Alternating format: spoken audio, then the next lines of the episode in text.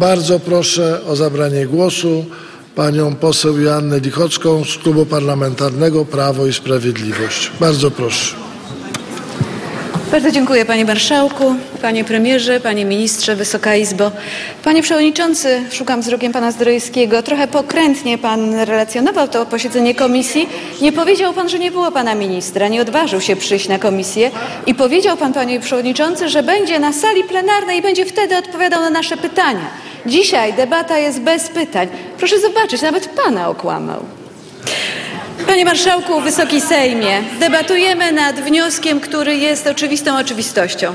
Należy bowiem niezwłocznie odwoływać ministrów, którzy świadomie i powielokroć łamią prawo, którzy sprzeniewierzają się własnemu ślubowaniu. Mówił Pan, Panie Ministrze, niewiele ponad miesiąc temu. Uroczyście przysięgam, że dochowam wierności posta postanowieniom Konstytucji i innym prawom Rzeczpospolitej Polskiej. I w kilka dni udowodnił Pan, że Pana przysięgi są warte tyle, co śnieg za oknem. To właściwie nie powinno zaskakiwać, bo to po prostu kolejny przykład tego, że polskie państwo traktuje Pan, Panie Ministrze, mówiąc delikatnie, z lekceważeniem. E, było to tak dobitnie słychać e, ten Pana stosunek do Polski na nagraniach z restauracji Sowa i Przyjaciele gdy mówił Pan o naszym kraju kilka niecenzuralnych słów i że to kamieni kupa. To właśnie ten lekceważący stosunek do polskiego państwa pozwolił Panu na nielegalne przejęcie mediów i niszczenie ich, wyłączanie sygnałów, niszczenie anten. Była tu już o tym mowa. To kompletne lekceważenie interesów kraju, świadome osłabianie mediów publicznych, likwidowanie ich, obniżanie ich pozycji na rynku jest działaniem antypaństwowym, bo w polskiej racji stanu leży istnienie silnych i mówiących polskim głosem mediów publicznych. Pan tego kompletnie nie rozumie. Lekceważy Pan nie tylko interesy państwa, ale dotyczy to też jego obywateli. W imię interesów grupy, do której Pan należy, pozbawia Pan Polaków prawa do pluralistycznej debaty i różnorodnych źródeł informacji. Dziś spacyfikowane nielegalnymi przez Pana działaniami funkcjonariuszami, działaniami funkcjonariuszy medialnych. Media publiczne mówią tym samym głosem, co pozostałe stadia, stacje szerzące waszą propagandę. To był cel tej operacji. Zniszczyć wolność słowa, domknąć system medialny tak, by nikt nie patrzył wam na ręce. Tak, by nikt nie patrzył wam na ręce. O to chodziło. Cenicie wyłącznie propagandę.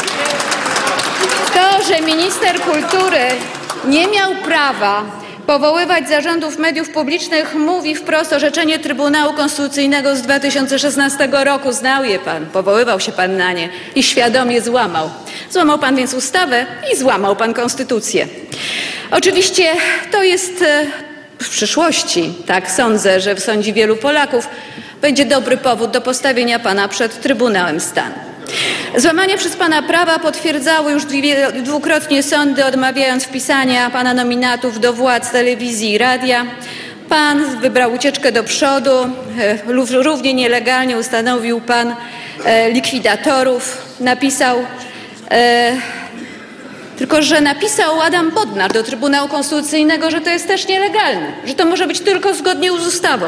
Muszą Państwo w swojej grupie, zorganizowanej grupie podejmującej te działania uzgodnić jakieś zeznania, bo w przyszłości przed niezawisłym sądem będziecie musieli je uzgodnić, bo dziś Adam Bodnar sypie ministra Sienkiewicza.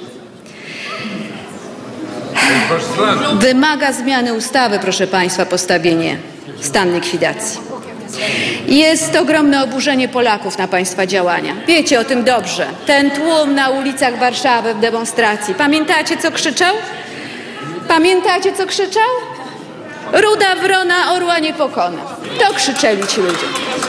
I to jest konsekwencja waszych działań. Teraz protestują Polacy przed więzieniami w Radomiu i pod Ostrołęką. I tam wiecie, co krzyczą? Tam mówią na przykład i prosili mnie w przytułach starych, żeby przekazać. Znajdzie się prycza dla Sienkiewicza. Tak mówią. Żenada. Mnie się wydaje, że mogą mieć rację, że może się znaleźć. Dzisiaj ci ludzie, którzy protestują, dostali list w tych dniach. Kochani, bardzo dziękuję Wam za wsparcie, za solidarność ze mną i z Maćkiem, za słowa otuchy dla naszych najbliższych, za modlitwy. Proszę i apeluję, walczcie ze złem, które ponownie pojawiło się w naszym kraju 13 grudnia. Trzymajmy się mocno. Nasi wrogowie nigdy nie zobaczą białych flag w naszych rękach. Podły reżim Tuska nie jest w stanie nas złamać. Damy radę, zwyciężymy. Razem obronimy Polskę. Mariusz Kamiński z więzienia w Radomiu. Mariuszu, Maćku, jesteśmy z wami. Damy radę, obronimy Polskę.